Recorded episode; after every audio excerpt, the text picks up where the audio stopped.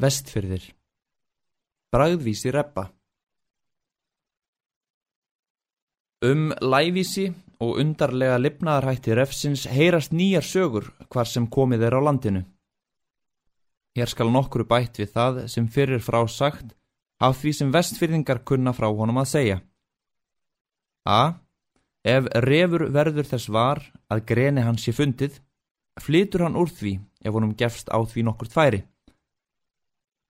Þess vegna er hann skætt nótt og dag, uns hann er skotinn og greni unnið og yrlengarnir drefnir.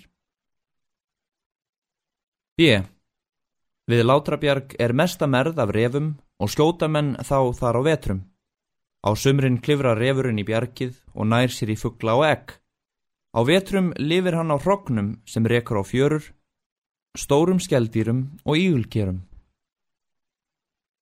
Sé, það má og fyrðulegt teljast að sumir refir lifa af rótum og það ekki einungis kvannarótum heldur einnig meljum sem vaksa í bjarginu.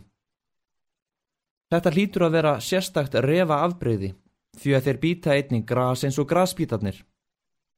Refir þessir koma kvorki niður til sjávar, nýja leita upp á fjöll heldur halda þeir sí í hlýðunum innan um lömb og rjúpur sem aðri refir sækjast svo mjög eftir.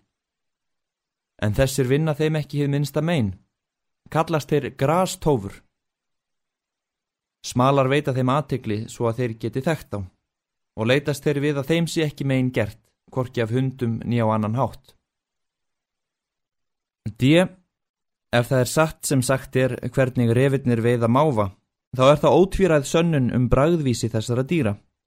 Þegar flæða tekur og mávatnir setjast á sandirar við sjóin hópum saman til að kvíla sig og sofa, þreyttir af erfiði og þungir á sér eftir allt sem þeir hafa getið þá læðast reyfirnir að þeim. Sperra þeir upp skottið og ganga aftur á bakk. Mávarnir sjá þá ekkert nema kvítt skottið og haldaði hér sé aðeins aðkomumáfur á ferðinni. En þegar Reppi er komin inn í miðjan hópin, grýpur hann einn máfin en hinn er fljúa brott. Refir syndastundum millir lands og eiga og alltíkt er það á breyðafyrði að þeir leitast við að komast til fjarlægari eigana á rekís en þetta bregst þeim stundum þegar jakana ber ekki að nokkur einni, heldur rekur og haf út. Ég hef einu sinni séð þess áttar ferðalag. Fjóri revir sátu hver aftan við annan á ísjaka sem rak til hafs. Ef revur kemst í eigu, gerir hann þar svo mikinn östla að allur fuggl flýraðan. Því er það, ef eigamenn verða þess varir á vorin áður en fuggl kemur til að setjast að revur hafi komist í einhverja eig, Sapnast þeir þangað og eldaðan þangað til hann flýr í sjóun.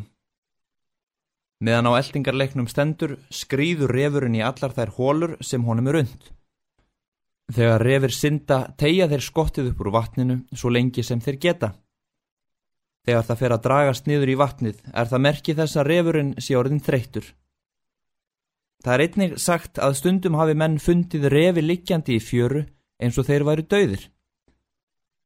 Finnandin hefur tekið reyfin upp og fleikt honum í bát, en jafn skjótt og hann hefur lent og fleikt reppa upp úr bátnum hefur hann lipnað við og tekið til fótana og hlaupið leiðar sinnar. Þýðingur dönsku Steindor Steindorsson frá hlöðum